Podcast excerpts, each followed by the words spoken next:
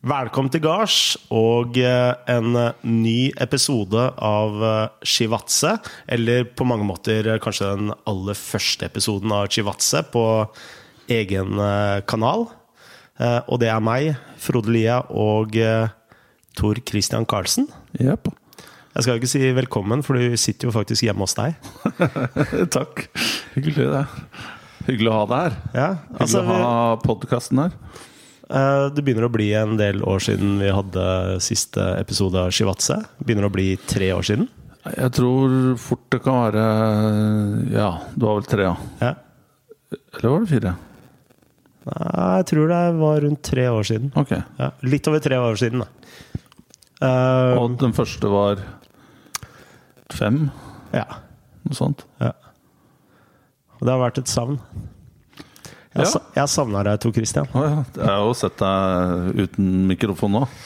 Jo men uh, altså, du har uh, uh, Altså, du har jo holdt på med noe annet enn eh, Og har måttet være mye mer forsiktig i hva du skulle si på, på når vi har vært på kafeer og barer.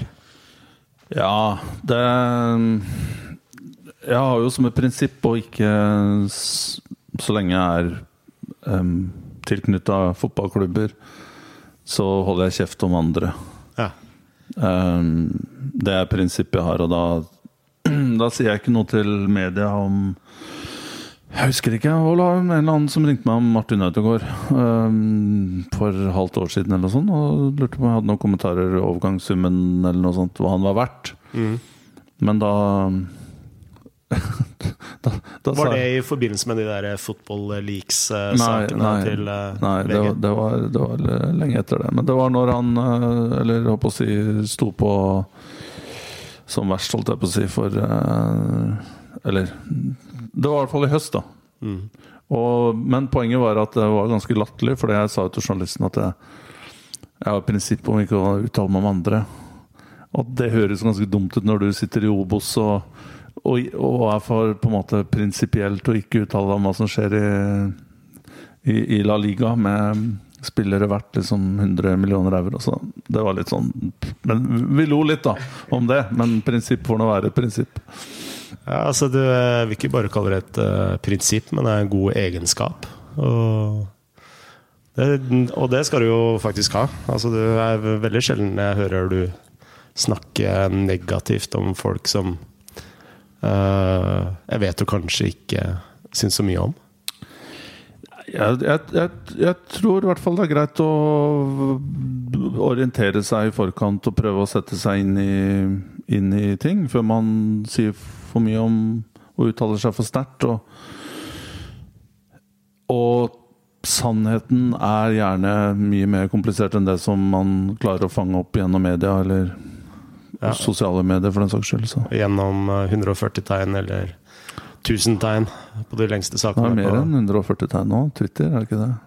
ja, du er, det er du som er Twitter-eksperten her. uh, Ja. Eh, det skal jo sies. Men altså, det er jo tre år siden uh, vi har spilt inn, og mye har skjedd siden, eh, eh, siden den gang. Altså, du har jo hatt en jobb eh, eh, i eh, Start og i Obos. Og jeg har slutta Og Eliteserien før det. Da, Ja, ja, ja, du var jo Så oppe i greit å Eliteserien. få med det òg. Ja, du har gått opp og ned og opp. Ja. Det er som livet. Men, eh, og du, du, du har jo snakka mye om eh, altså, kvalikkampen mot Lillestrøm og sånn, og det skal ikke vi snakke så mye om. Men eh, eh, kan jeg spørre om eh, Etter tre år i norsk fotball, for, altså fordi du har nesten jobba 20 år eh, i England, Tyskland og Italia, og Frankrike Israel, Russland Israel, Ru- Russland, ja. ja. Mye man ikke får med seg. Uh, eller jeg veit jo at du, jeg, jeg, altså. Jeg fikk jo med deg at du var i Zenit. Eh, men uh, er det noe spesielt du har lært de tre siste årene, som eh, eh, Som du på en måte har overraska deg litt av? Oh, det er mange. Mange, mange ting. Ehm, og det er faktisk nok til å fylle en hel Ikke bare en podkast, men podkastserie, tror jeg. For det Norge er nok mer, eh, mer spesielt enn det vi, vi tror. Uh, Og det er mange eh, mekanismer her i norsk fotball som jeg tror er vanskelig å finne andre steder. Da. Mm. Som da? Uh, Jeg vil si Jeg kan starte med at slik som utvikling sånn økonomisk har blitt, så tror jeg det sosiale har fått en veldig stor rolle. Um, det er nesten blitt litt eh, sånn oppover i eh, altså profesjonelle fotballen, slik det var da i amatørfotballen. Da. At um, det handler mer om si, gruppe, og det er jo bra i seg selv. Eh, kameratskap og det sosiale enn en penger. Eh, Det er, overrasker meg litt, egentlig. Eh, penger og egen utvikling eh, virker som at eh, Det undervurderte jeg nok litt. Og, og eh, jeg snakka litt med kollegaer om det òg, her i Norge, og som har litt av samme eh, samme erfaring. Da. At, at, at spillere er veldig fornøyde bare de har har liksom det basice, at de tjener eh, godt. Altså ikke Det er ingen i Norge som tjener for mye. Og på å si etter at, eh, at en uh, utenlandsspiller forsvant i, i høst. Trenger ikke å nødvendigvis å nevne navn, men jeg tror de fleste eh, forstår. Men jeg tror etter det så er det ingen som, som tjener mer enn de på en måte fortjener i norsk fotball.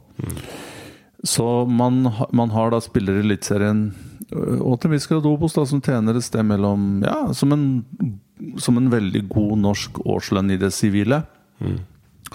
Og veldig mange spillere er fornøyd med det. Og da tror jeg det er veldig vanskelig å presse ut de ekstra prosentene. Eh, fordi eh, med unge gutter da, mellom 16 og 19, 20, 21, så er det litt annerledes. For de, vil, de, har alt, de har fortsatt den drømmen om å komme seg ut av landet og makse karrieren. Men når du kommer til 22-23, og så spiller du i Eliteserien Fortsatt.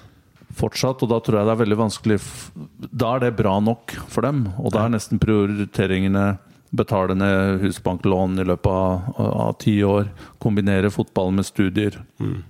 Så det blir, bare, det blir egentlig en Det blir ikke det fulle fokuset da, i, i livet ditt. Og det er for meg nytt. Eh, Alle de andre stedene jeg har jobba, så er liksom fotballen verdt 100 Men det handler som- vel eh, kanskje mye om at eh, Norge er et samfunn hvor det er trygt å være. Altså Henter du en nigeriansk spiller, så spiller han for livet. Han spiller for den økonomiske fremtiden til hele familien. Altså det er mer i potten. Og det, det må jo motivere mer, det. Absolutt. Eh, men jeg tror ikke vi trenger å dra så langt som til Nigeria for å finne den eh, den mekanismen der. Jeg, tror du til og med svenske spillere og danske er mer på en måte karrierebevisste da, på fotballen enn enn en de norske. Nå er det mange unntak her, så det er ikke noe poeng å drive og sende meg sinte SMS-er fra spillere som Og vi har hatt hatt, hatt spillere i, der jeg har vært òg, som har vært veldig fokusert på fotball, men dette blir en generell oppfatning, da. Men er det, dette er noe som, eh, når du snakker med norske kollegaer, at det er litt sånn konsensus rundt? Ja, jeg har inntrykk av det. Ja. Um, og jeg, vet ikke om det er bra, egentlig. Nå er det blitt sånn fordi det Det, det er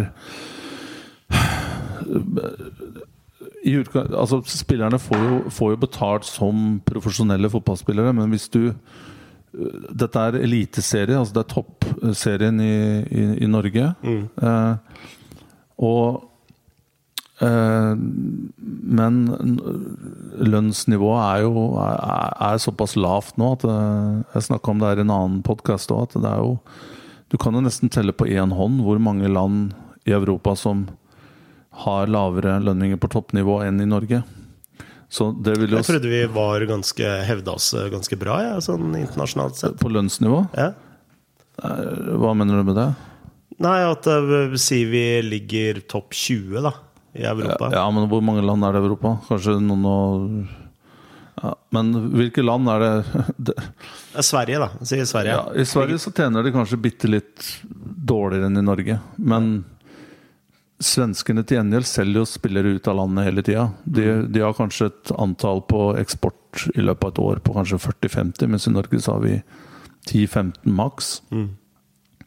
Eh, og, og, svenskene har jo til enhver tid vært mye mer interessert i å dra rare steder, da. Eh, det begynner å komme her i Norge nå. Men det, eh, det er jo eh, Samtidig så er det jo urovekkende å se at at spillere, Vi mister spillere til Ungarn. ikke sant? Tokmak gikk dit. Vi, vi har mista spillere til Romania. Sean McDermott signerte vel der, og så kom han tilbake igjen. og Det er spillere som har gått Jeg lurer på var en som var nær å signere i Bulgaria. Kypros er det vel, har det vært norske spillere, og nå er det trenere der. Mm. Uh, og det er jo helt opplagt at man kan tjene bedre i Kroatia uh, og toppklubber i Serbia enn du kan i, i Norge. Og da har vi ikke snakka om Vest-Europa, som er de landene som vi Egentlig konkurrerer sånn primært ja, mot. Og vi, I starten så mista vi jo en av toppspillerne våre til andredivisjon i Belgia, ikke sant.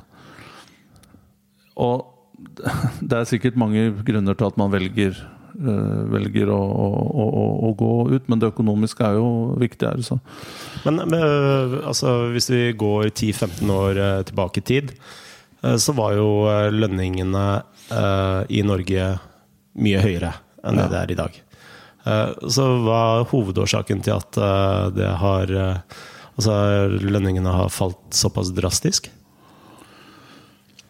Uh, er det TV-avtale? Er det det at. Det er jo sammensatt, det er ikke én grunn. Det er mange. Du kan faktisk gå helt tilbake til Vossmann-dommen, tror jeg, til å finne svar der. Mm. Og så kommer det andre ting, som TV-avtale, som ikke Håper å si er kanskje så attraktiv som det var relativt sett, da. Mm. Da de først kicka inn i Var det i begynnelsen av 2000-tallet? Ja. Så var det en Hvis du regner inflasjon og sånne ting, så er, er den uh, lavere enn det det var. Og så har du selvsagt uh, masse, masse andre ting. Finanskrise, hvor VIP-markedet forsvant fra norsk fotball plutselig. Og, På et år? Ja, under finanskrisen der i 08 og 09. Der tror jeg det er også en, eh, et, en, en slags Ja, hva skal vi kalle det? En slags uh, det går en strek der òg, da. Mm. Det som skjedde etter. Og så er det kanskje kunstgress da, som har gjort at vi ikke får eksportert så mange spillere som vi har ønska til de prisene vi ønsker, for det er alltid en liten sånn usikkerhetsmoment. Er det en sånn grunn Altså Når eh, utenlandske scouter og speidere og klubber er og ser på norske spillere, er det faktisk noe de ja. ser etter? Absolutt. Okay. Det er det jo. Det er jo en annen type fotball. Og, mm. eh, Kanskje ikke så mye hos unge spillere, da. For da tenker du at ja, her er det ennå du er såpass ung. Men på spillere fra si 23 år og ja, oppover? Eller, ja. eller yngre, vil jeg si. Fra 2021 okay, oppover. Ja. Så er jo det en, en, faktor. Så det er mange, mange grunner til det. Når, men i Norge så har kanskje fotballen blitt mer enn Det er rart eh, Lillestrøm ikke selger flere spillere, da. Ja, men, ja, det kan jo spøke om det, men Lillestrøm har jo solgt mange spillere opp igjennom. Ja. Um, og øh, Men øh, jeg tror Altså, i Norge så har fotballen blitt en slags øh, lokal greie, da. Uh, lokale spillere er veldig viktig for nordmenn. Mm. Det er noe som man ikke ser noe særlig i utlandet. Um, I andre land, i hvert fall ikke som jeg har jobba i. Der, Der er fokuset egentlig bare å vinne? Ja. Det er klart det er en bonus, sånn som med Liverpool nå. Slår Everton med en lokal gutt fra Toxtit som skårer fantastisk mål. Det er klart det er moro, mm. men det er mer en bonus enn et liksom et, Primært mål, ja, ja. Og jeg tror de fleste forstår at hvis um, Hvis man skal få suksess, så må man på en måte gå alle veier for å prøve å finne finne fram til det, og det er opplagt at det finnes utrolig mange gode fotballspillere med andre egenskaper enn det du nødvendigvis har akkurat rundt i ditt nærområde, og da må du søke, søke lenger. Mm. Um, Men jeg vil jo si at um, Nå skal jeg ikke dra dette her uh, for langt, men samtidig så er det viktig å si at det uh, på en måte økonomiske utfordringene som har kommet i norsk fotball um, de har, det har jo ført til positive saker. Mm. Og jeg tenker jo talentutviklingen nå, mine øyne, ut fra det jeg har sett, ut fra de jeg prater med, uh, og spillerne som jeg har sett, syns jeg det jobbes meget godt i Norge. Og nå kommer det ikke bare Ødegaard og Braut Haaland og på en måte sånne Outliers. Europaklasse, verdensklassespillere potensielt, men ja. under der òg.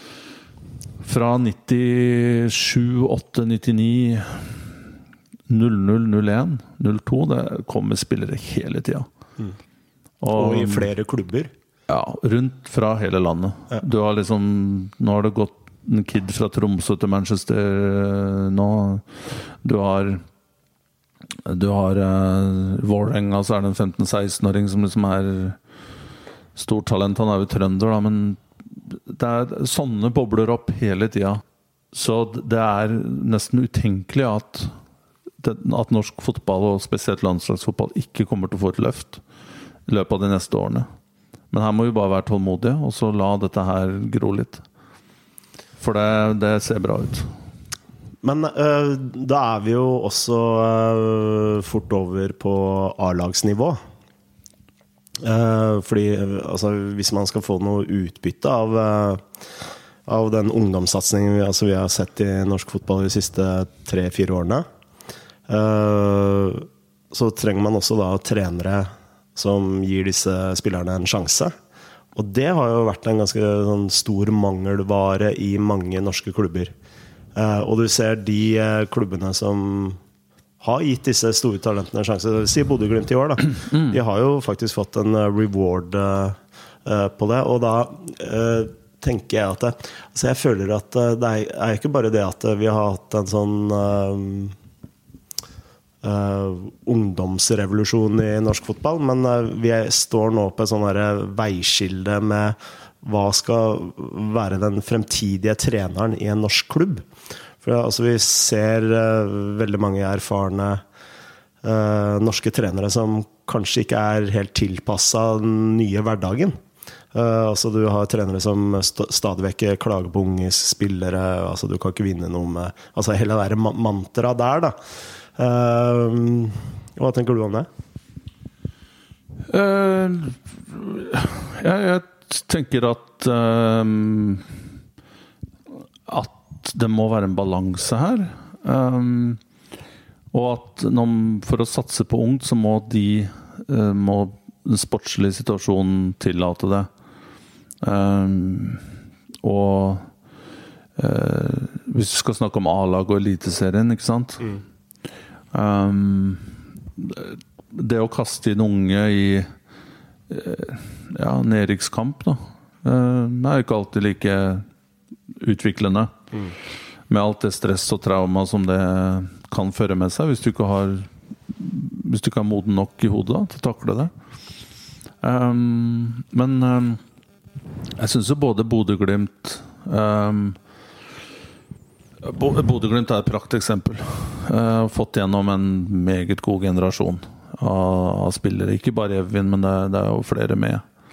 Og så har du uh, Syns jeg det dukker opp igjen, da. Syns det dukker opp navn her og der. Og det er Haugesund har hatt noen nye mm. kommet uh, fram i år. Og Tromsø har, har gode spillere. 0-0 og 0-1.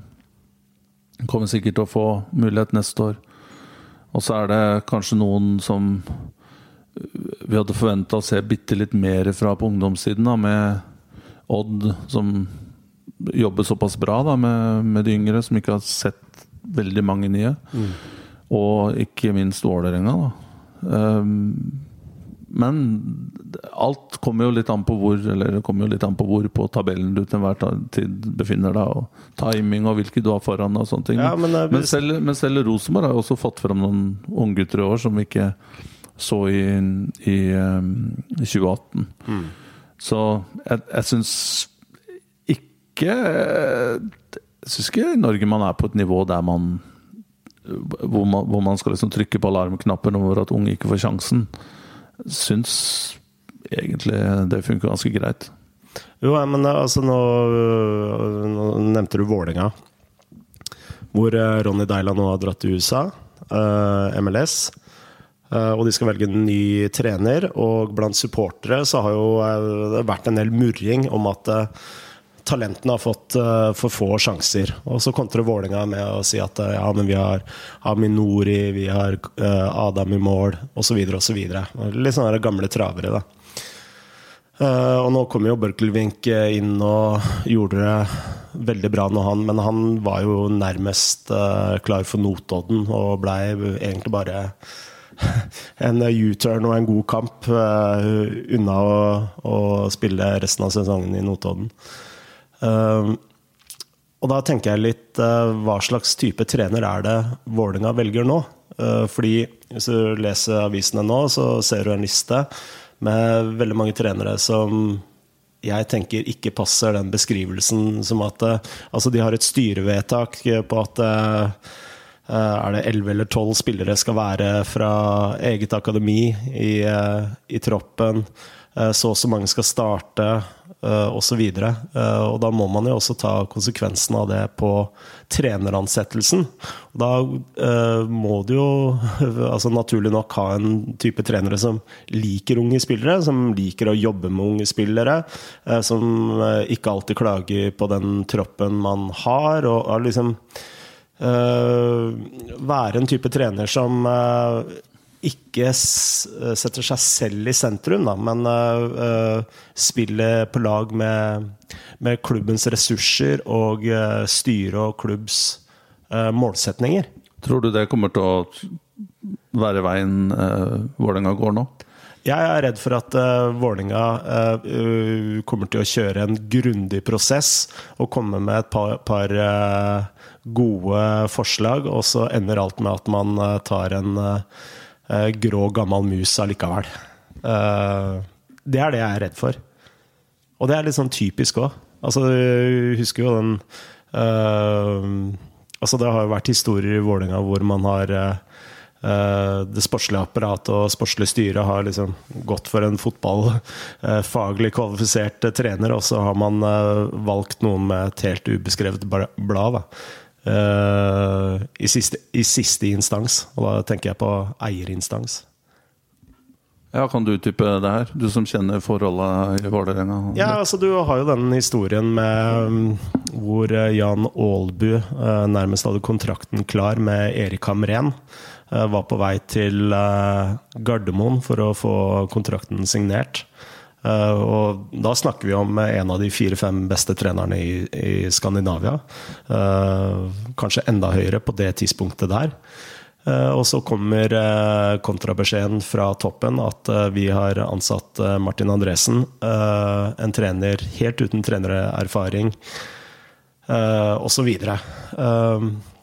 Og jeg sier ikke det for å henge ut Vålinga, men det er jo vært mange sånne historier rundt omkring i norske, norske klubber hvor eh, Altså, vi satt jo i et TV-studio for mange, mange år siden, Tor Christian. Eh, og jeg, jeg, klarte å lire av meg den famøse eh, strofen 'Norsk fotball styres av gravemaskinkjørere fra Bjørkelangen'.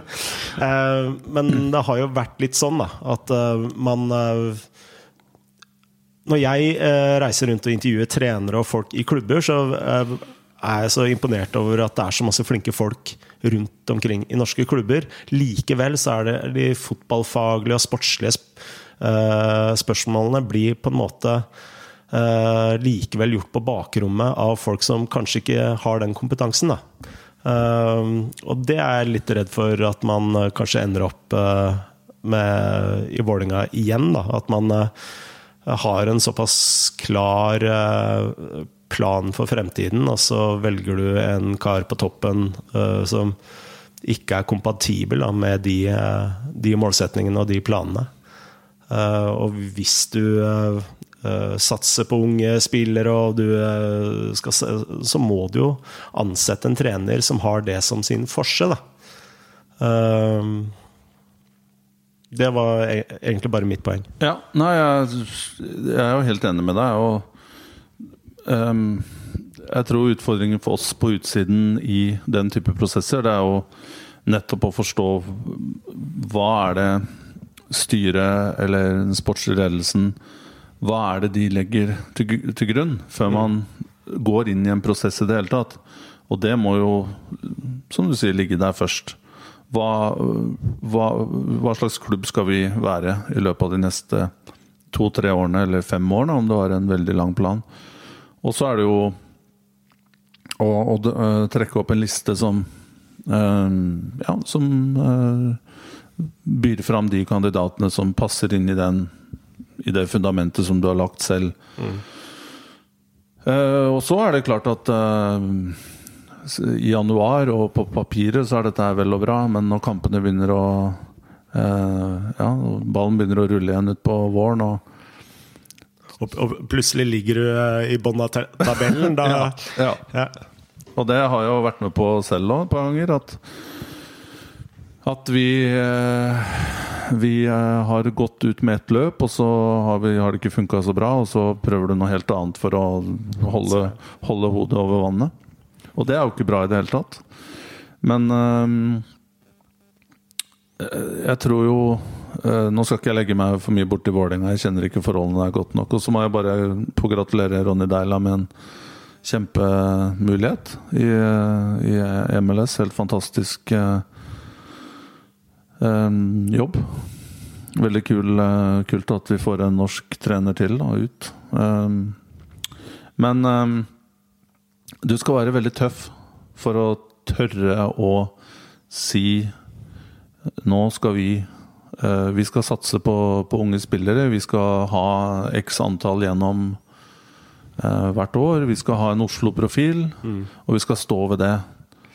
Eh, kom Om så Dovre faller, så skal, skal vi stå ved det.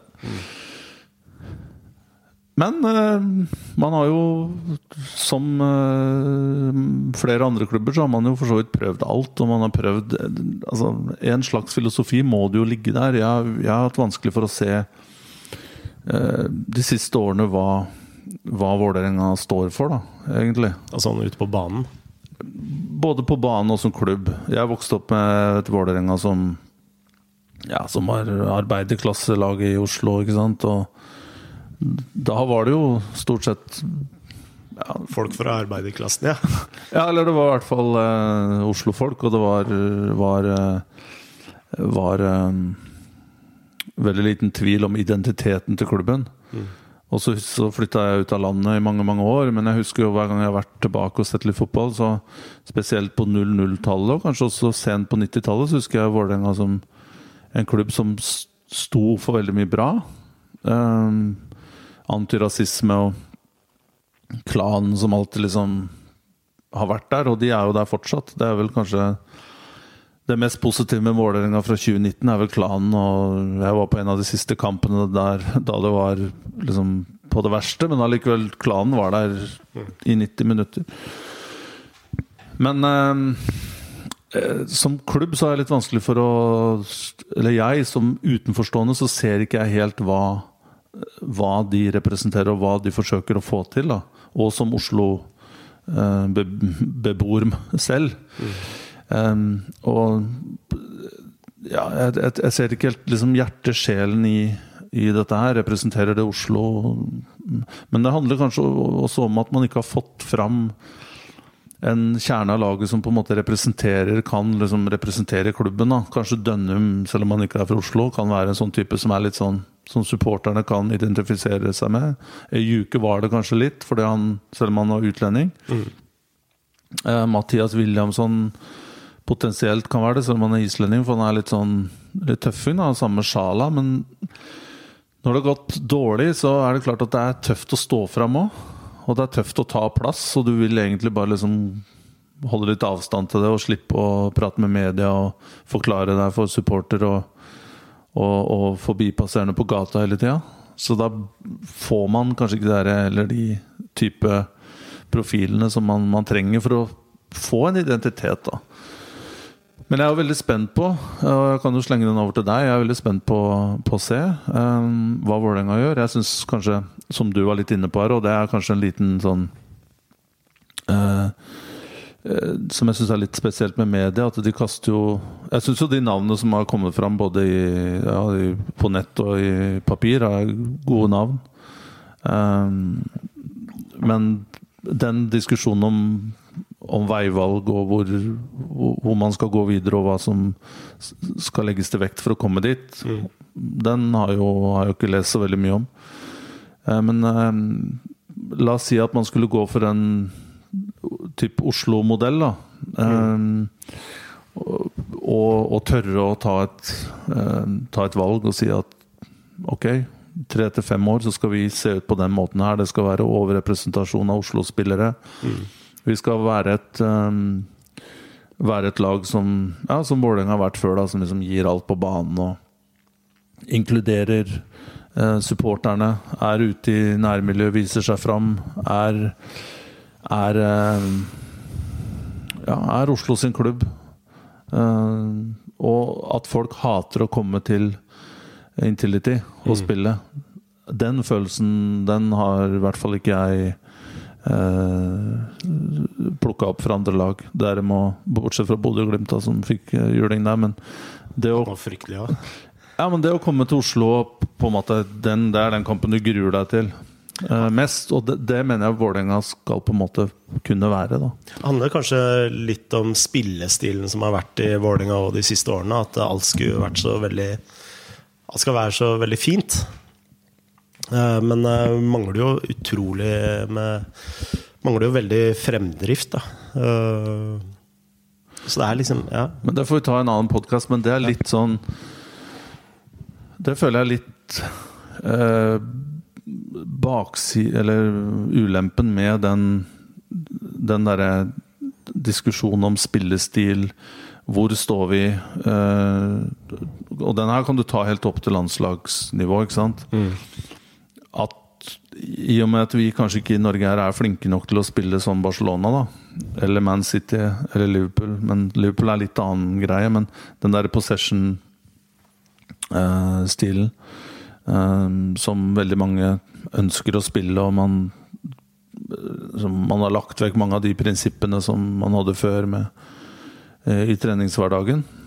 Og da blir kanskje ikke, fordi man ikke har spillerne, så blir kanskje ikke heller produktet så helhetlig og, og puritansk da, som det skulle ønske. Mm. Og da hadde nesten det beste vært å hente elleve spanjoler, så får du i hvert fall den spillestilen. Mm. Eller tre-fire som kan hjelpe. Litt som Martia har gjort i Sandefjord. da Som Der han har, hadde, eller, har tre-fire spillere som kan implementere den spillestilen og forstår akkurat hvordan han ønsker å spille. Ja, litt sånn nøkkelspillere som han har på en måte tatt med seg selv, og så har, har de norske spillerne på en måte klart å etterape dem igjen. Ja, eh, det er kanskje riktig å si? Ja, men han har jo hatt én eh, i hvert eh, ledd. Ledd, ja. Og han, eh, og han har to sentralt på midtbanen. Og det er klart, da, da er det enklere å, å, få ut Selv om dette ikke nødvendigvis er store og veldig gode fotballspillere, men de er, de er i hvert fall vant til den modellen da, som, mm. som treneren ønsker å spille. Men øh, vi snakka litt om trenere. altså I Vålerenga er det nå lista en del øh, trenere som er aktuelle for øh, øh, klubben. Og jeg har ikke noen sånne sterke formeninger om hvem Vålerenga bør ansette, annet enn at det bør være en, eh, en uh, trener som uh, står litt i stil da, med de ambisjonene de har, og målsetningene på hvordan de ønsker å drive klubben. Uh, og det og der er jo kanskje noen som altså Det er jo veldig mange av disse trenerne som jeg ikke kjenner så mye til, annet han svenske som er kanskje veldig aktuell. Uh, Sartre Sartre var vel fransk uh, eksistensialist, uh, filosof. Hva heter han? Mi, mi, Mikke Stare. Stare. Ja. Det er jo nesten Sartre, det der. Jean-Paul Sartre var, eh, var noe helt annet. Men det er jo et tenkende, tenkende mennesker, begge to. Ja. Uh, nei, han eh, kjenner jeg altfor lite til. Uh, annet enn at jeg veit han har vært i Hekken og AIK. Ja.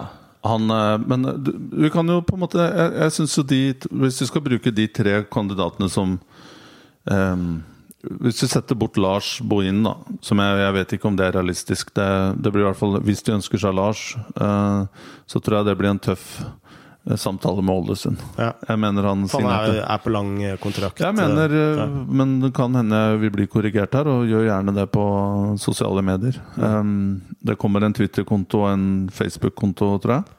Shivatsi, ja. Ja. Ja, ja, um, og der kan man jo legge en korrigering eller kommentar etter hvert. Men uh, jeg tror han signerte en, eh, en lengre kontrakt i, i løpet av det året som var. Mm. Um, så, men så kan det godt hende han har en eller annen slags muntlig avtale, eller hva det nå enn er, med, med Ålesund. Det vet jeg ingenting om. Men hvis vi setter Lars at han er på 1,75 odds, da, Mm. og så ser vi på de tre andre så syns jeg jo de på en måte illustrerer Hvis vi starter med Hvis du skal kjøre en skikkelig Oslo-greie, så, så mener jeg jo Jørgen Isnes, Isnes, ja. bør um, være i miksen. Um, jeg har egentlig ikke Jeg har fulgt uh, KFM i to år. Uh, så dem litt i 2018, da de rykka opp. Uh, og det var jo På høsten der så var det jo ingen Det kom ikke noe overraskelse for meg at de banka Fredrikstad. Altså det var en utklassing.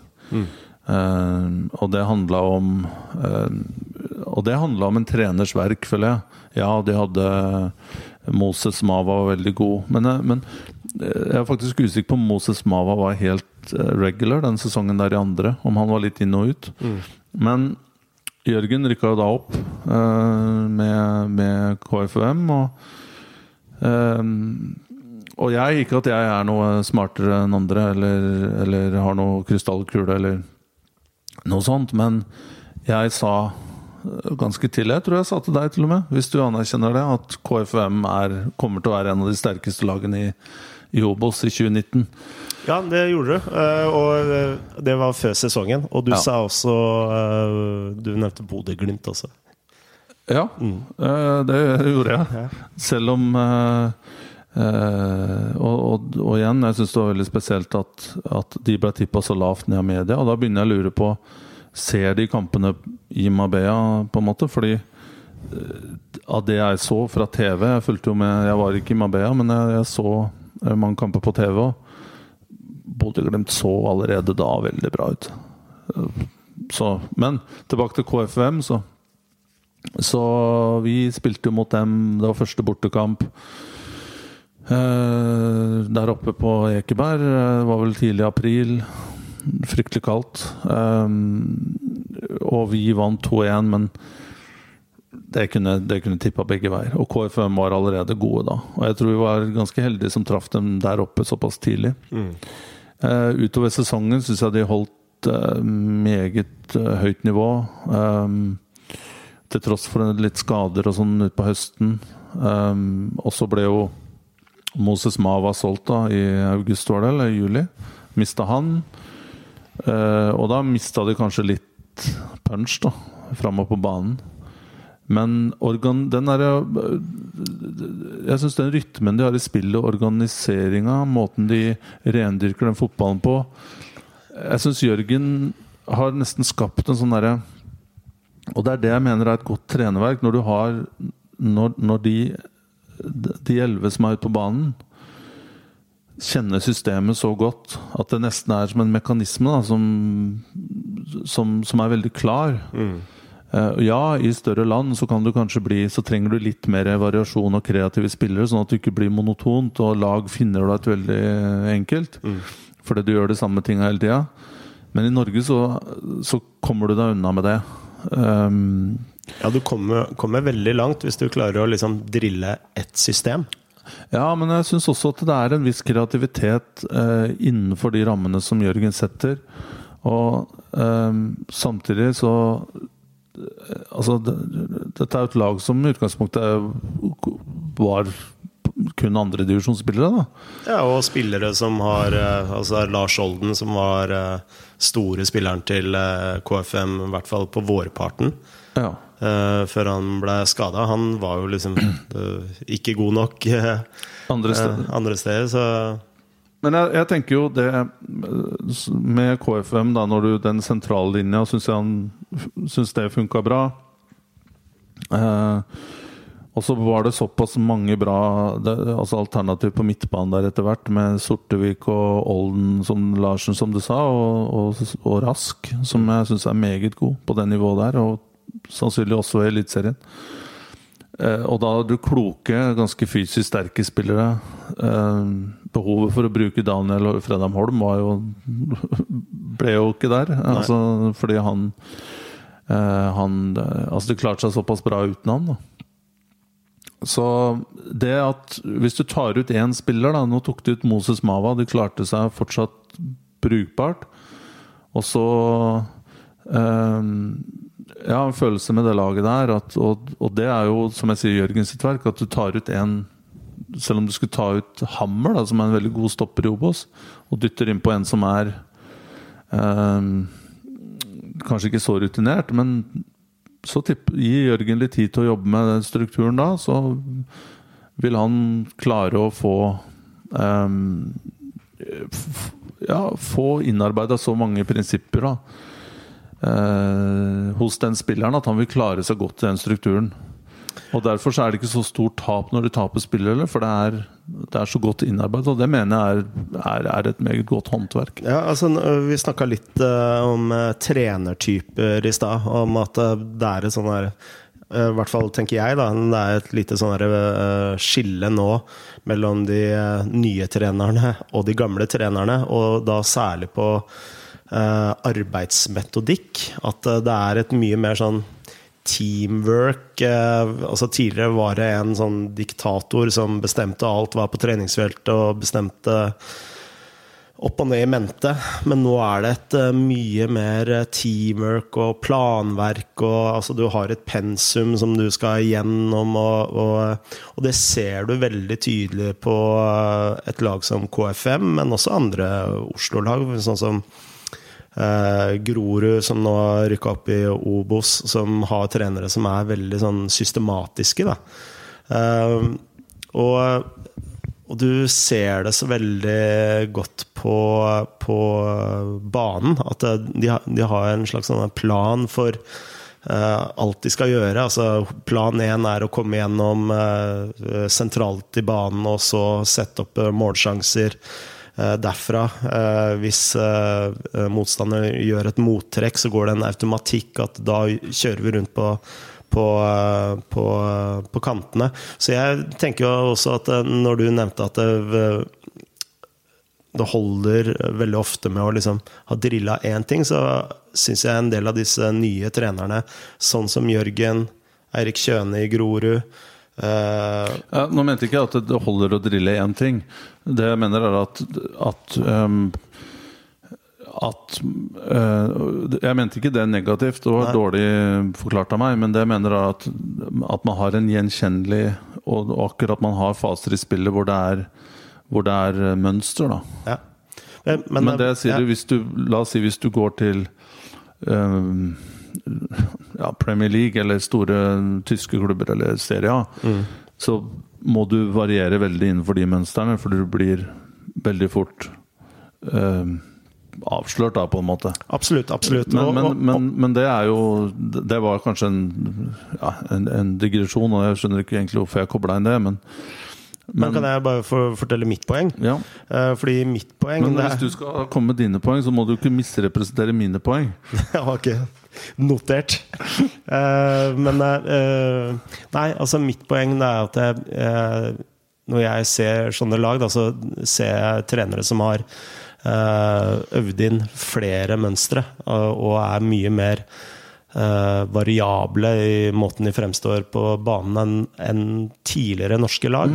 eh, som har vært Og da tenker jeg også på de, de beste lagene, si Rosenborg da, under Nils Arne Eggen. Det de gjorde, gjorde de jo kjempebra. Eh, men eh, det var noe ganske monotont Uh, med måten de altså Monotont er jo feil ord, men altså de spilte på den måten. Og, men de, jo, altså de, hadde jo selvsagt de aller beste spillerne. og var jo helt uslåelig. Men spørsmålet er om man kan gjøre noe sånt nå i dag. Og det har vi vel Rosenborg funnet et svar på, med tanke på at de har bytta trenere som skal være mer variable i måten de fremstår på? Ja, dette er jo ikke noe, noe geniutspill i det hele tatt. Men sagt veldig kort, da, og jeg har vel sagt det før òg, det som i mine øyne kjennetegner normale og, og veldig gode trenere, det er jo at normale trenere er flinke til å sette en defensiv struktur. Det er det enkleste du kan gjøre i fotball. Mm. Uh, og, og, og, og, spille på overganger og, gjenvinning og, i den fasen der. Men virkelig gode trenere de vet hvordan de skal organisere også det offensive. Og klare å sette motstanderne press og klare å ja, snu på motstanderen og flytte på dem og, skape sjanser på, gjennom både innøvde eh, grep og gjennom kreativitet på siste tredjedel. Men så er det noen ganger litt prisgitt hva slags typer du har. Og det er ikke alle som liksom klarer å være liksom stå for den kreativiteten der på, på siste tredjedel, Men, men um, uansett, poenget mitt um, Jeg syns KFM har vært uh, I Obos var i hvert fall uh, det laget som var uh, Jeg syns kanskje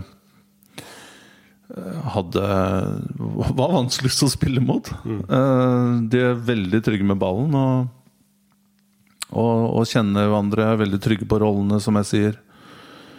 Og, og, og, ekle å spille mot. Mens de fleste lag i Obos da sitter jo tilbake, parkere bussen og, og kontre på deg. Mm. Men, uh, men uh, eh, KFM imponerte meg, og det, det, det, mener jeg er veldig spennende. Um, det de holder på med. Men uh, hvis du da skal gå videre og På trenerlista? Ja, og så har du jo um, Marti nevnes jo. Mm. Og jeg vet ikke. Uh, han har imponert meg veldig i Sandefjord. Altså, han imponerte meg veldig da han kom. Han klarte å Det var vel i juni 2018. Og Sandefjord Nå har jeg ikke sett den derre Fuentes-tabellen. Men jeg tipper at Sandefjord havna i hvert fall godt over streken på den. Hadde en god høst, og han klarte å få sving på dette her ganske bra. Um, og i Obos så var de, var de gode. Men det som imponerte meg mest med Sandefjord, det var egentlig det defensive. Merkelig nok. Jeg syns ikke de var så imponerende framover på banen. Og jeg syns det spillet som Marti um, eller Sandefjord sto for på høsten 2018, var egentlig bedre enn det, enn det de uh, Enn det de fremsto på høsten i 2019. Mm. Men um, jeg tror Altså, Marti er ung. Han er vel knapt jeg vet ikke, Han er midten av 30-åra.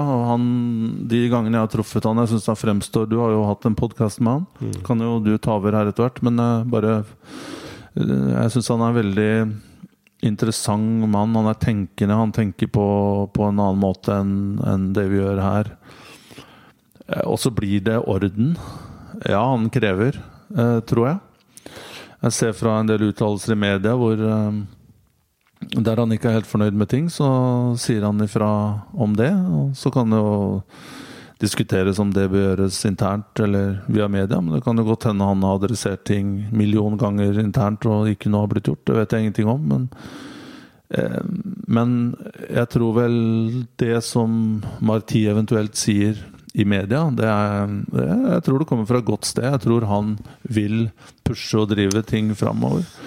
Eh, så jeg Han har vel også med seg et par Du kan jo igjen eh, Du kan godt ta over her, men han har vel også med seg et par-tre andre spanjoler. Men det jeg vet om dem, uh, og det er jo at eh, de representerer nok en helt annen eh, arbeidskultur og, eh, enn kanskje man er vant med eh, i Norge, hvor kanskje i mange tilfeller det handler om liksom ni til fire, og så går man hjem. og så De lever fotball. Mm. Eh, og de lever fotball 24-7, og de har kommet til Norge for å for, eh, ikke bare for seg selv og karrieren og markere seg og klatre, Nei. men de har kommet for å legge igjen en slags legacy. da. Eh, så det er Jeg Eh, syns det er eh, meget spennende. Og så kompliment til Sandefjord, som tok den sjansen, og som har paya off skikkelig. Altså, jeg vil egentlig tilbake til det eh, vannskillet mitt igjen. jeg. Eh, med altså, de eldre, erfarne trenerne. Altså, hvis man kan putte de i én bås. Og når jeg snakker om at trenerrollen i dag, den krever kanskje eh, altså, flere aspekter enn det den gjorde bare for ti år siden. Eh, og det handler jo bl.a. om eh, hvordan du leder et team. Og ikke bare hvordan du leder spillerne dine. Altså, fordi du er jo avhengig av et mye større team i dag enn det man hadde bare for 10-15 år siden. Og på de boksene der tror jeg både Marti og Jørgen tikker veldig bra av på. Eh, I tillegg så har jo også Marti jobba med ungdom. Altså han har jobba i eh, akademi i, eh, i Barcelona. Og han har jo med Og i seg Sverige, AIK. Ja. og i Sverige, ikke minst. Han ble jo henta fra akademiet til AIK til Sandefjord. Eh, Så der har du jo to store bokser som jeg tenker tikker av for eh, Vålerenga. Eh, I tillegg så tror jeg han setter en eh, Han setter krav da, som er unorske. Og han holder han holder eh, kollegaer og spillere til en standard som eh, vi ikke er eh, vant med. Og du har jo jobba lenge i utlandet og er sikkert vant med eh, at ting er altså Jeg har bare hatt litt utenlandske lærere mens jeg har studert og sånn, men det er bare den lille delen jeg har hatt uh, Jobba med uh, nederlendere og spanjoler og, og brasilianere, så har ja, Kanskje ikke så mye brasilianere, men, uh, men uh, så kreves det Altså, det blir satt krav til deg på en helt annen måte enn det blir gjort her i Norge. Ja, og så er det også bare skyt inn her, for jeg tror det er et viktig poeng. At jeg tror vel eh, i Norge òg at det er veldig lett, og det er mange som stiller krav, men det er ikke mange som er Og du nevnte det, det er ikke så mange som er flinke til å etterleve de kravene. Nei. Og det å være et godt eksempel selv også. Og det er veldig, Jeg har også jobba med trenere som er veldig flinke til å snakke og i media. Og eh, vi må stille krav, vi må stille krav. Men så ser du den Ser du kanskje treneren selv. Oi, han er kanskje ikke så flink til å være et, eh, et eksempel her. Um, men der tror jeg Marti skårer ti av ti. Ikke bare Marti, men han resten av og- og- ja. eh, altså, eh, Assistenttreneren hans har jo spilt mange mange år i Español. Altså, de har en superb keepertrener. Eh, så hvis Og hvis Vålerenga velger å hente han, så blir det jo vel å hente hele teamet, vil jeg jo tro. Og det passer jo vel egentlig bra. Jeg veit ikke hvor mange av disse assistentene til eh, Ronny som blir med til eh, USA, men eh, altså når du først velger en ny hovedtrener, så er det jo greit å gjøre litt rent bord. Tenker jeg. Særlig når de har vært der i tre år med så begredelig suksess som de har hatt. Fordi det må man være ærlig og si at det Ronny Deila har fått i Vålerenga, det har vært ganske dårlig. på alle mulige måter. Eh, jeg vet ikke om du er enig? Altså, jeg kjenner Vålerenga for lite og har hatt fokus på andre ting, så jeg skal ikke felle noe dom over, over dem. Men um, um, Jeg, jeg tror Marti er et er, Nå er det jo sånn at de står uten trener, og jeg tror Marti ville vært et veldig modig valg. Mm. Eh, spennende valg. Eh, og så mm, Og jeg, jeg, støtter alt det du sier der. Jeg syns han Jeg syns også han er autoritet. Eh, nå blir det lagt Han, han, er, han har autoritet uten å være autoritær. Eh, og det er en litt sånn ja, men jeg tror samtidig at han også har et uh, gir uh, til der, som uh, jeg, har, jeg har stått like baken i teknisk sone der, og jeg ser at det er ikke mange sekunder han Ja, han er borte på, på fjerdedommer, og han er borte her og der, og på treneren vår, og han, og han Men han har en aura ved seg, og han er så sikker og gjennom gjennomsyra av faglig trygghet. Mm. At han fremstår på en meget god måte. Og så syns jeg at eh, Jeg syns også du, du er inne på noe viktig, Frode. At um, i dag så tror jeg vi har kommet med rette uh, dit. At det er kvaliteten på arbeidet ditt som betyr noe. Um, og det, den greia om å kunne jobbe i team er veldig viktig. Det var de veldig flinke til bl.a. i start, med Joey som, som, lederen av det teamet. Og det er jo en av grunnene til også at han fikk um, tilbudt jobben på uh, mm. permanent basis. Og at vi bryr oss mindre om spillebakgrunn vi bryr, vi bryr, oss mindre om hvem som er, sier såkalte morsomheter i media. Uh, og vi bryr oss mindre om liksom såkalte gallionsfigurer. Fordi jeg har jobba med gallionsfigurer, såkalt, og, og, og, kjente navn. Og den glansen som de eventuelt har, den, den blir fort borte. Mm. Og og eh, etter noen uker så, så, er spillerne vant til den stemmen der. Og så er spillerne lei av å høre at eh, ja Når jeg var spiller, så bare Ja, gjorde jeg ditten og datten. Og, og kanskje for Kanskje for de som var, var, var gode spillere på 80- og 90-tallet og 00-tallet, kanskje det var greit. Og at man lot seg motivere av det. Men disse altså, Nå skal jeg ikke dra en sånn millennial uh, Eh, legge alt på millennials her. Men den generasjonen som vokser opp nå, da, eller er i slutten av tenårene, begynnelsen av 20-årene eller 20-årene, det de må du bruke mye mer tid på psykologi enn det som var tilfellet før. Mm. Og de krever mye mer eh, pedagogikk og å bli snakka til på en annen måte mm. enn bare da jeg gjorde ditt og datt. Og der syns jeg både selvsagt Jørgen og Marti er eh, egentlig eh, noen av de ja, mest interessante vi har. Da, på, liksom, hvis du ser helheten i det. Ja. Hvis, du, hvis, du, skal gå inn på Må du gjerne komme tilbake til Marti etterpå hvis du, hvis du har mer å si der. Men du kan jo ta den siste svensken, som du kalte Sartre? ja. Eh, så han eh, nå, nå, var det vel all, Hvis du skal inn på franske eksistensialister, så var det vel Albert Camus som var Den gamle keeperen? Ja, han var vel fotballspiller, så kanskje var det noe underbevisstheten der som kobla seg tre Har sikkert også sagt noe om fotball, noe veldig smart.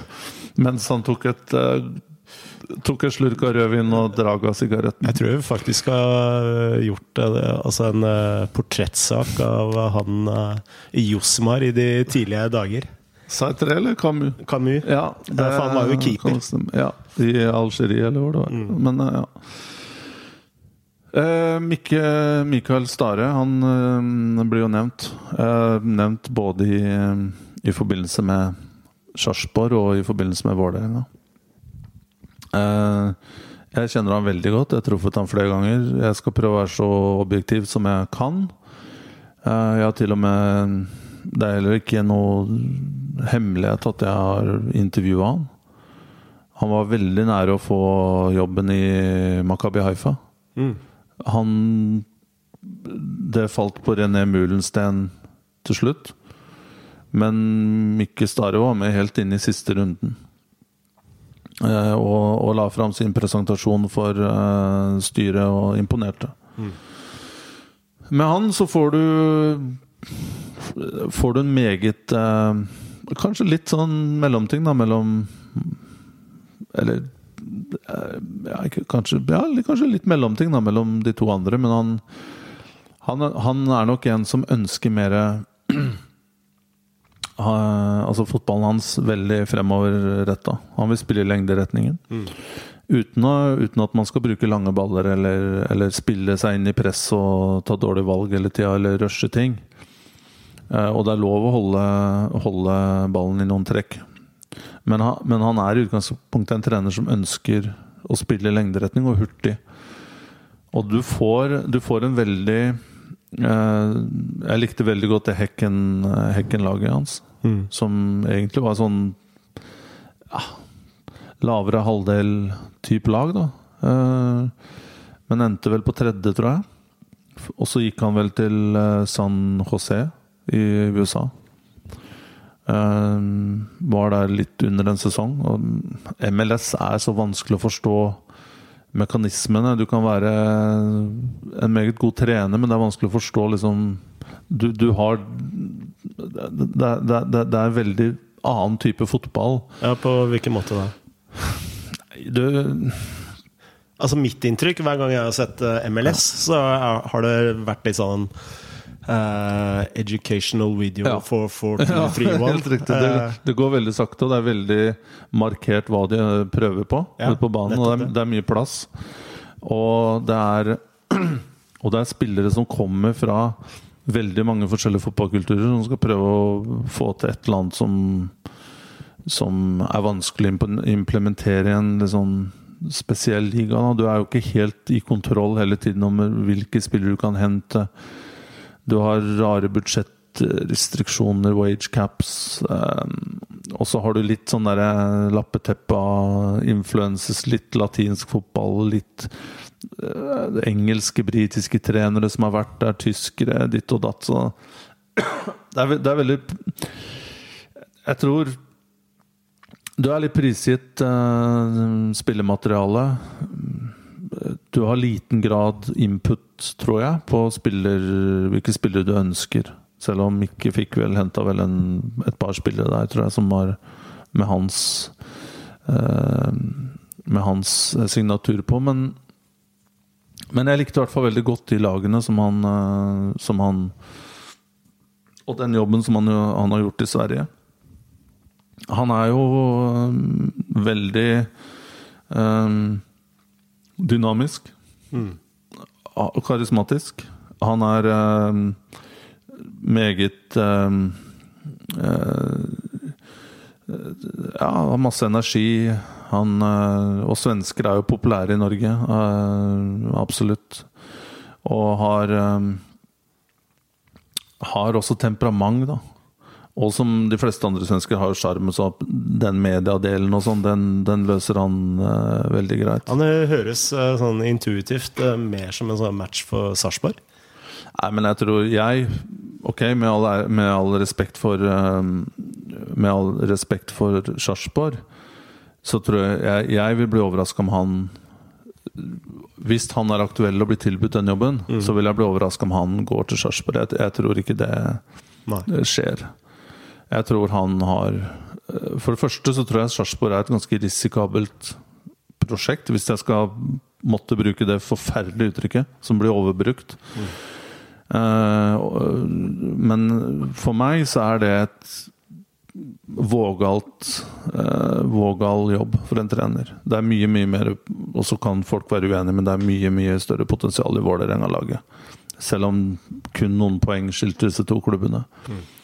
Og Og eh, skal vi si, altså jeg har jo veldig stor forkjærlighet for eh, Geir Bakke, og jeg mener jo han er en av de bedre trenerne i landet. Eh, Og hvis han sliter med det laget, så skal det skal, skal det være utrolig god for å få eh, Ja, jeg, jeg tror Geir har fått Men det kan jo også være at alle klubber har litt godt av Godt, godt av litt Nytt blod, Ja, og at, at man på et tidspunkt så ender man opp med at ja, nå, nå vil jeg prøve noe nytt. Det er helt naturlig. Men, men det er ikke sånn at Mikke er, er usofistikert. Han, eh, så vidt jeg vet, så er han også en som er veldig eh, Søker mye tilbakemeldinger. Um, evaluering av egen innsats, jobb. Um, han er jo fotballgal. Men det som jeg tror er spennende med han eh, mot Vålerenga, det er at jeg tror han er såpass sikker på seg selv, rutinert. Han starta vel som eh, A-lagstrener i slutten av 20-åra, midten av 20-åra. Så han har jo nesten 20 års erfaring. Og han er såpass klok at hvis Altså, jeg kan se for meg at han kunne få med seg liksom få med seg folk, da. Mm. Og få med seg en stor klubb. Han har jobba i Bare fullfør den Han har jobba i AIK. Han har eh, Og han vet litt hva som kreves i Norge for å få folk på sin side. Han er veldig offensiv. Og jeg, jeg kunne faktisk se for meg at hvis han hadde fått skikk på Vålerenga, så er det liksom et Vålerenga som fyller den stadion. Og, er, og de spiller med trøkk, entusiasme med, med, med attityd, som mm. svenskene mm. sier. Det er de lagene som Det er, det er sånn Mikke ønsker et lag til å fremstå. Så jeg, jeg tror det kunne vært sykt spennende. Du virker veldig entusiastisk på, på hans uh, Ja, for det jeg, jeg, Men um, La, la, oss ikke lage en sånn rangering av hvem nei, nei, men, nei, men jeg skal komme til det. Og det poenget mitt er at det spørs akkurat hvor hvor, hvor ønsker du Vålerenga i 2020? Klart, jeg tror både med Isnes eller med Marti så er dette gutter du må si at ja, men fuck, nå, nå ser vi tre-fem år mm. fram. Ja. Og det krever baller av stål mm. fra ledelsen i Vålerenga og styret til å ta den beslutninga der. Og da må du stå for det. Om du så skulle rykke ned, så må du la disse her få jobbe. Og det er som jeg sier, det er enkelt å si i januar, men det er tøffere å si det i mai eller eh, juni. Jeg har vært der sjøl. Mm. Med Stare så kommer du da, kom, da, kan du beholde de spillerne du har. Kanskje han vil kreve et eller annet, men han er også vant til å på en måte jobbe med sportssjefer og er samarbeidsvillig, konstruktiv type. Mm. Men da har du en som kan få Jeg tror du kan få en ekstra 5 ut av den spillergruppa som er der. Mm. Og så kan du si fuck, nå gir vi det et forsøk i, i 2020. Nå kjører vi. Nå kjører vi. ja, men da Han vil på en måte Da, da blir det ikke så mye snakk liksom om eh, lang, lang tid. Ja, altså dette, da snakker du om tre år hvor han skal gønne på. Mm. Og da kan plutselig i Vålerenga at det er snakk om topp fem, topp tre. Mm. For det er så mye dårligere enn eh, en, en Odd, eh, Bodø-Glimt uten Evjen, eh, Rosenborg eller Haugesund for den saks skyld, er ikke Vålerenga. Men det er veldig lett å, dømme, det er, det er veldig lett å liksom trekke konklusjoner og lag som har hatt en dårlig periode. Vålerenga vant 1 av 15 kamper. Og så tror så, så er liksom spillere som øh, Det er alle ubrukelige. Og så vinner du tre kamper igjen, så er det, så er det bra. Men jeg, jeg, ser et potensial i det laget her. Jo, altså Når jeg nevnte tidligere at uh, jeg syns uh, Vålerenga har gjort det forferdelig dårlig, så hvis du går gjennom uh, troppen til Vålerenga og sammenligner den med si Odd, Bodø-Glimt mm. osv., videre, og så så er det en konkurransedyktig tropp. I stort Absolutt. sett Uh, alle ledd ja. på banen. Altså, men, men, ja. men, men, det har jo ikke fått Det er jo mange spillere der som jeg sier som de ikke har fått nok ut av. Ja, og, men det aller verste med Vålinga de siste tre årene, det er at uh, utviklingen har liksom bare gått fra medium, litt dårlig, til uh, enda dårligere. Ikke sant? Det har vært en uh, fullstendig feil utvikling. og det er Derfor det overraska meg veldig at de valgte å gi Ronny Deila en ny kontrakt. Ja, um, jeg Men eh, tilbake til eh, de kandidatene, og tilbake til hvordan man, man skal tenke på, på 2020. Det er lov å Og det er lov å ha to tanker i hodet samtidig òg. Og det er lov å på en måte tenke at ja Det har ikke vært bra de siste årene. Det er lov å tenke at det er potensial i det laget her. Jeg ser potensial De unge lokale gutta. Mm. Jeg, jeg syns det er bra. De har gode keepere. De har gode Altså Asemi, hvorfor har du ikke fått mer ut av han? Han går til Tromsø, og plutselig skårer han fem-seks mål på høsten.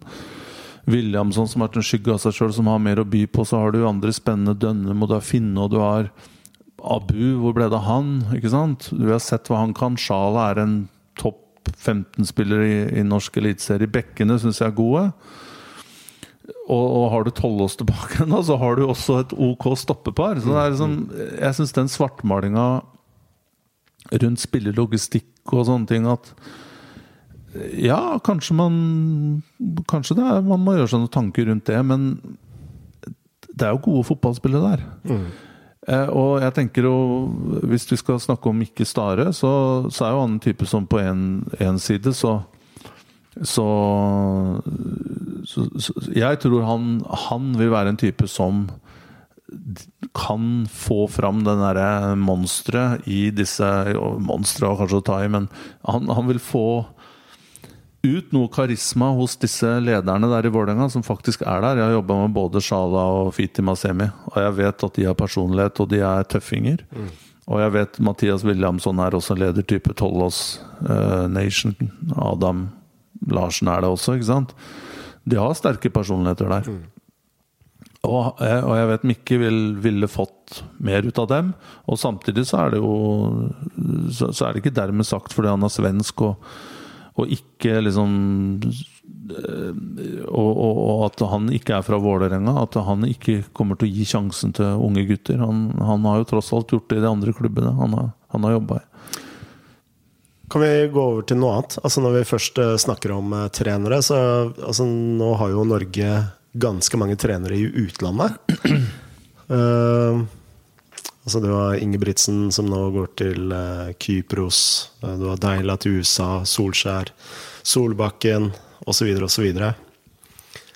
Uh, er det Er norske trenere plutselig i vinden, eller hva tenker vi om det?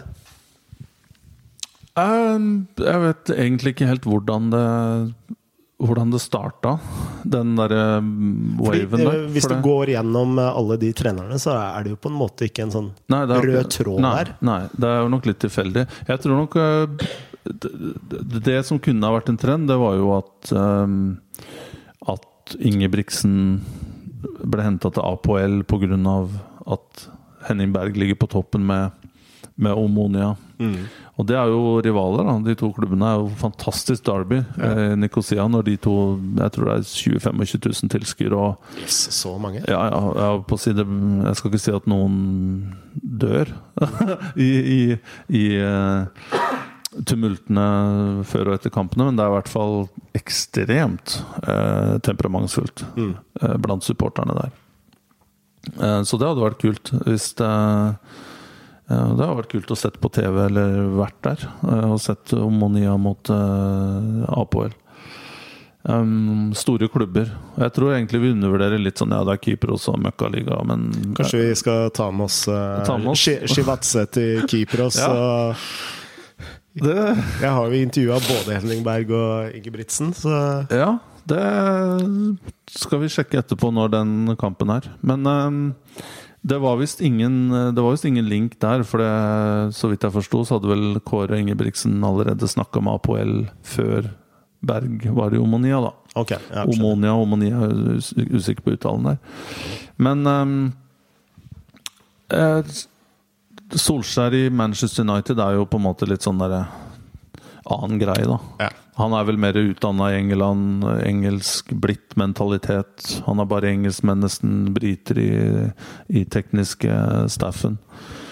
Så han er kanskje ikke Selv om han er en fantastisk representant for norsk fotball per se, så er han vel mer sånn engelsk av Et produkt av engelsk fotball. Mm. Prater uh, mank, uh, aksent og, og så videre. Men eh, jeg- syns det er spennende som sagt at Eila får muligheten til å prøve seg i MLS. er spennende, Det kan åpne døra for andre. Eh, og, og eh, jeg ville bli mektig imponert om Henning Berg eller Kåre Ingebrigtsen skulle få til store ting i Kypros. For da åpner det også seg andre steder. Da er veien kort til Hellas. Veien er kort til um, Midtøsten, hvor du kan Det er kanskje ikke så spennende liksom sett med norske øyne, men, men det er store klubber der. Det er store Store muligheter til å utvikle deg. Russland åpner da, ikke sant? Du, du blir Du setter deg på kartet. Utfordringen Jeg har jo jobba i Israel, som er en liten svømmetur eh, over til Kypros. Ehm, og det som jeg tror er utfordringen Ser ut som Henning Berg har, klarer seg bra. Han har jo bakgrunn fra både Polen og Ungarn. ja, Polen og Ungarn, pluss noen litt eksentriske eiere i Blackburn. Så Henning Berg har nok lært seg liksom, det der politiske aspektet. Og hvordan han skal snakke til mennesker som kanskje ikke tenker akkurat sånn som vi gjør her hjemme. da. Og det tror jeg er veldig viktig. Og spesielt i Kypros, hvor folk er temperamentsfulle og eh, etter et tap så kan det fort liksom bli en, bli en uh, liten krise, og da må du håndtere den på god måte. Så. Men at han ligger De topper vel tabellen, det er meget imponerende. Og han eh, vant jo serien i Polen, og kom på andreplass i Ungarn. Jeg er ganske sikker på at han eh, vant serien i Polen. Ah, ok. Vi, vi kan jo etterprøve det, men jeg er usikker på om han vant, ble mest, Men jeg tror det røyk på slutten der. Men Men, mens jeg snakker, så kan jo du eh, google Nei, det får ta i Chivadze eh, kommentator, eh, I kommentarfeltet. kommentarfeltet. Eh, jeg er ganske sikker på at han eh, Altså, han var vel der i to Men, eh, sesonger. men la, oss, eh, la oss se. Ja. Eh, Men eh, likevel, Henning Berg er jo en eh, trener som har hatt suksess både i Polen, eh, Ungarn og nå Kypros. Eh, og, men han går jo litt sånn litt under radaren. hva er det italiensk nummer som ringer der? Har du noe Ja, det er faktisk en italiensk agent Oi. som uh, Ja, Uh, Ja, ja. ja. det skal vi ikke snakke om. Nei. er Milano. Lombardia. Ja, Milano står der i hvert fall. Men Ja. ja. Eh, Sånn er det. Beklager jeg avbrøt deg, men jeg ble nysgjerrig. Så pluss Eh, Til alle lytterne så får jeg en innkommende telefonsamtale fra Milano. Det er det vi kommenterer nå. Ja. ja. nei, likevel. Henning Berg han går litt sånn under Altså det er jo, Hvis du ramser opp eh, de tre-fire beste tre trenerne i Norge, så er det jo sjelden du liksom nevner Henning Berg. Men uh, han burde kanskje ha vært det. Ja, han redda jo Stabæk i fjor fra nedrykk, på vår bekostning, eh, blant annet. Men eh, jeg vil jo si at Henning Jeg har aldri truffet han og kjenner han ikke, men eh, han har jo ikke vært så opptatt av å selge seg i media Nei. som mange andre. Og han er ikke den som fremstår som mest liksom brautende og, og, og, og masete og selv opp, ja, selvopphøyd. Og, og jeg syns det står stor respekt at han må huske på at han hadde en stor spillerkarriere.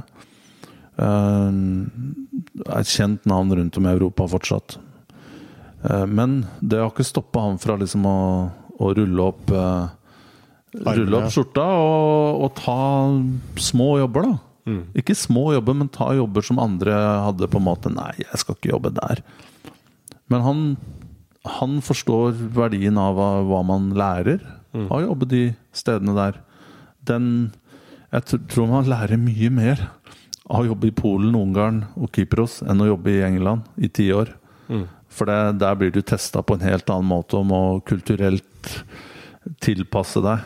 Um, så det å bryte ut av komfortsonen og ja, Møte andre fotballkulturer, ikke minst. fotballkulturer, men jeg vil si heller Heller helt annen måte å Mentalitet da. hos menneskene og samfunnet, og hvordan, hvordan man ser på lederskap og, og klarer å klare klarer å håndtere det. Hvordan håndterer du uh, kypriotiske eller, altså, Nå har jeg jo sett på det laget hans i Omonia, og nesten alle kypriotiske lag. Det er jo bare Det er jo United Nations, hver klubb. Men det da å klare å sette dette sammen og snakke til han på den måten og han på den måten, ikke sant? det er jo en fantastisk skill, og det er jo noe de beste trenerne kun de beste trenerne mestrer. Så jeg er veldig spent på hvordan, eh, hvordan det her går. Ellers så tror jeg jo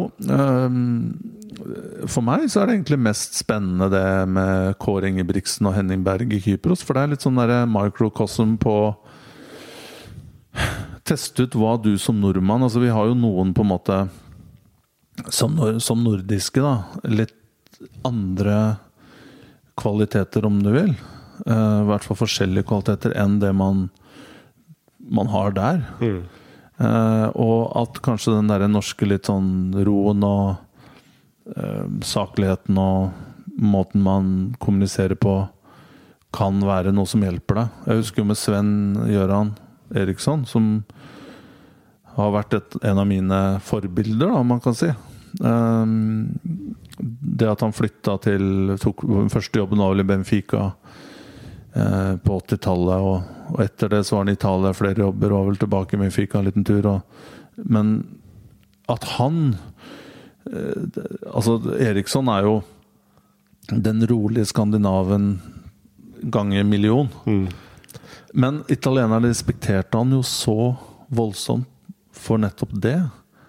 For der de andre stressa og skyldte på hverandre og, og, og ble oppspilte og latinere, så var liksom Eriksson blanda. Så klagde aldri på dommerne.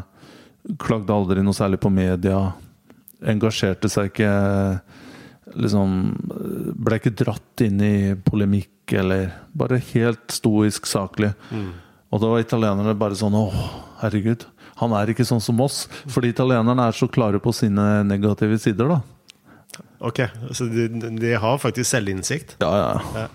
Og det blir veldig respektert når du da fremstår på en annen måte, og spesielt da i, i pressa situasjonen. Ja, han trente jo noen fantastiske hissigpropper også opp gjennom, eh, særlig i Italia. Ja, Lazio-laget der var jo bare, bare kapteiner. Mm. Elleve mm. kapteiner på det laget. Men jeg tror de egenskapene der da, kan være noe som hjelper norske trenere i utlandet. Mm. Det med Danmark og Ståle Solbakken, det er jo og Åge Hareide der. Det, Danmark er kanskje mer som Norge, tror jeg. Så jeg er vanskelig for å forstå hva som eventuelt skal gjøres for å lykkes i Danmark. Mm. Som du ikke lykkes med i Norge, da. Mm. Hvis det gir mening. Så. Når du snakker om uh, Sven Göran Eriksen, også forbildet til Drillo. Uh, ingen sammenligning for øvrig. Uh, men han minner meg veldig om Phil Jackson, han basketballtreneren. som har skrevet en fantastisk bok om, om lederskap. Som mm var det Michael Jordan og Dennis Rodman han hadde på samme lag. Uh, og når de fikk tottene på hverandre, så var hans uh, lederskap det var å trekke seg unna og, og, la det hele spille seg ut, for han visste det ville ordne seg. Uh, men kan vi gå litt videre i podkasten? Du som styrer ordet, Frode. Ja, en ting som har opptatt meg mye i det siste, det er jo denne Braut Haaland-overgangen. Og uh, egentlig ikke mest pga. Uh, overgangen i seg selv, men uh, mest om hvordan media har valgt å dekke det hele. og da særlig med disse famøse kommentarene til Morten P i Dagbladet og Stig Nilsen i Stavanger og noen flyturer der som viser seg bare er tull. Og det får ingen konsekvenser. Altså at vi har nå en sportspresse hvor man Uh, hvor Morten P på kommentatorplass kan bare skrive noe om motivene til en, en spiller, motivene til faren osv. Og, og dagen etter så må han beklage seg fordi alt det han hadde skrevet dagen i forveien, var var jo bare tull. Det var bare fantasi.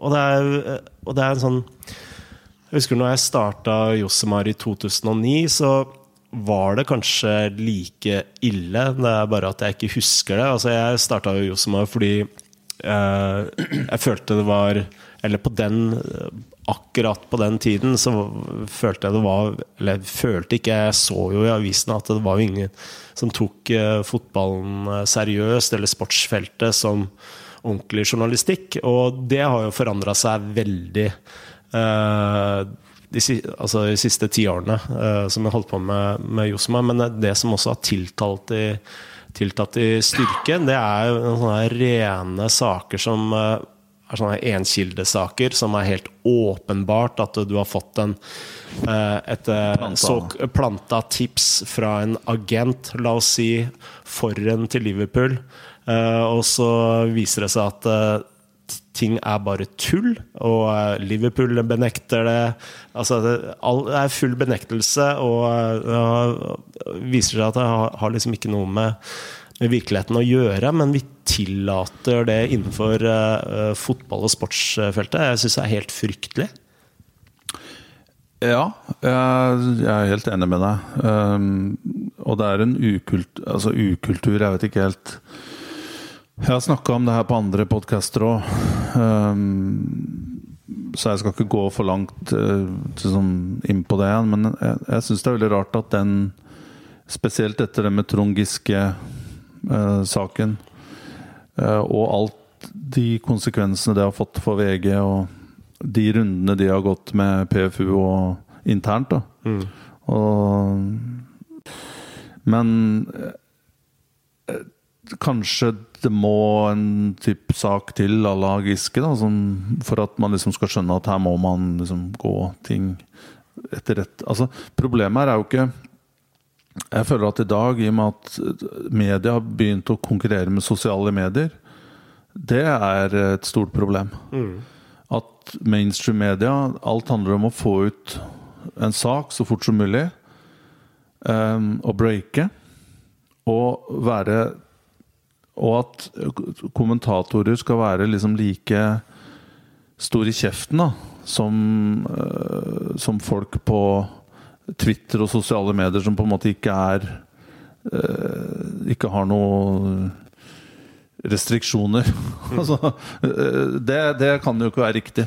Og jeg mener jo at hvis du assosierer deg med et um, med et, eh, et navn, altså en etablert medieinstitusjon eller en avis, eller om det er radiokanal, eller om det er Chivatse, så må man jo å si, forutsette at, altså, at, at man, man må forsøke å representere det mediet på en måte som er positiv, og som representerer sannheten. For meg så er det det viktigste for meg, det er en av grunnene til at ikke jeg gidder å lese tabloider, eller klikke på all mulig drit av linker på, eh, fra, fra Twitter, så det er fordi at eh, du kan ikke stole på det som står der.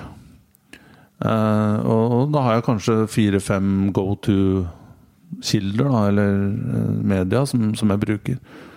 Og så hadde jeg også men, Og en annen ting, da. Dette er litt beside the point, men noe som jeg syns er fryktelig skremmende tendens, det er at mainstream journalister, eller de som er så heldige å ha fast jobb som journalister i, i dag, både Ja, nå snakker vi i Norge. Det er at de tråler Twitter for å finne Og forum. Mm. Chatforum. Eh, For å liksom bygge saker rundt det. Det er flere ganger som jeg har blitt ringt opp av journalister, så spør jeg men hvor har du det her fra. Ja, eh, sto om det på forum. Eh, Jeg mener da det, det er useriøst. Men jeg lurer på om det er den Altså Det er jo ikke media det er noe feil med per se, men problemet er at folk lytter til og stoler på kilder som man ikke skal bruke. Og, som, og, og kilder som ikke har forutsetninger. Enten har vikarierende motiver, som du sier, eller som ikke har innsikt i saken. Men fordi det står på Twitter og har fått retweets, så er det på en måte legit. Det er fryktelig uting. Det er, det er kanskje noe av det vanskeligste med å være redaktør i 2020. Eh, Det er å navigere i alle kildene som har eh, egen agenda.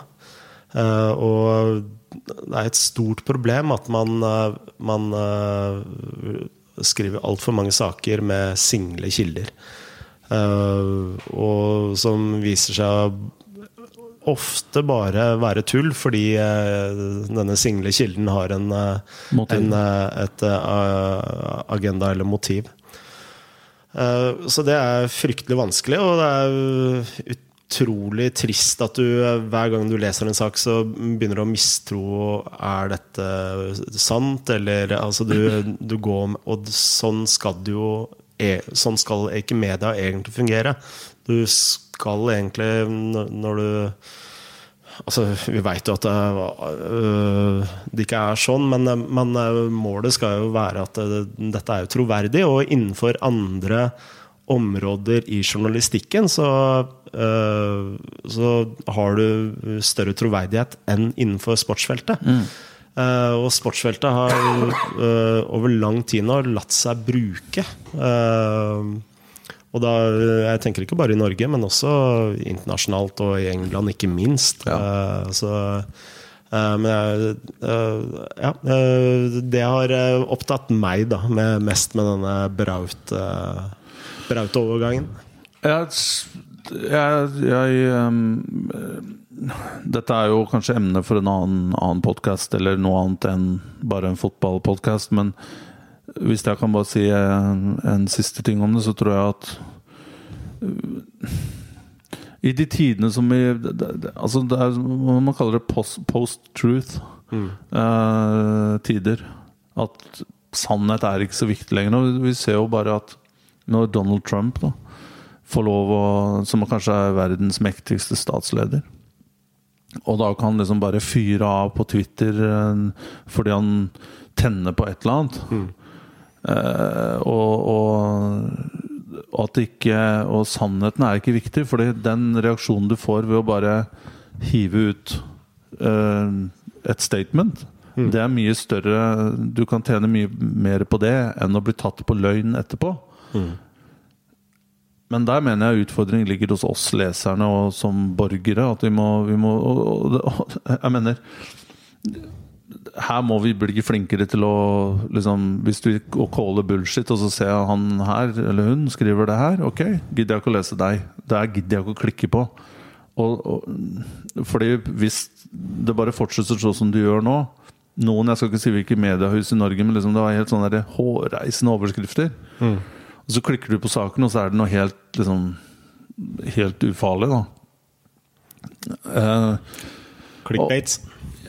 Ja, men altså er, ja, men jeg mener det er jo Menneskeheten skal jo gå fremover. Eller skal vi sitte der om Blir det sånn 400-500 år antropologer da sitter der og så tenker ja, fuck den perioden der mellom 20 10 og 2030, den var mørk, den. Ja. Da, da, gikk eh, evolusjonen ned men det, sånn. Men det virker som folk også har liksom vent seg til det. Da. Så nå, jeg hadde jo en tweet hvor jeg var litt oppbrakt over akkurat dette her. Så var responsen ja, men det var jo bare Dagblad. Det var jo bare Stavanger Aftenblad. Altså, Dagbladet er vel Norges Eldste, nei, ikke det nest, eller, ja. nest eller tredje største nettavis uh, i Norge, med flere hundre tusen uh, lesere hver eneste dag, om ikke millionene over millionen. Uh, men, de som, ja. de, men, de som, er berørt av det her, da Nå kjenner ikke jeg til den casen der med, som du nevnte, og jeg har ikke lest sakene, så jeg kan ikke uttale meg om det, men, men hvis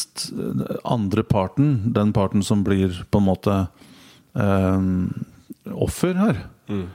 for det jeg går ut fra i det tilfellet her, er usannheter og dårlig journalistikk da bør jo vedkommende rapportere dette her og gå til, gå til denne avisen eller mediehuset og si at dette her er ikke greit. Dette her er faktiske forhold. Og så har man vel PFU brukes til sånne ting, eller? Jeg vet ikke. Det er sjelden eh, sportssaker ender opp i PFU.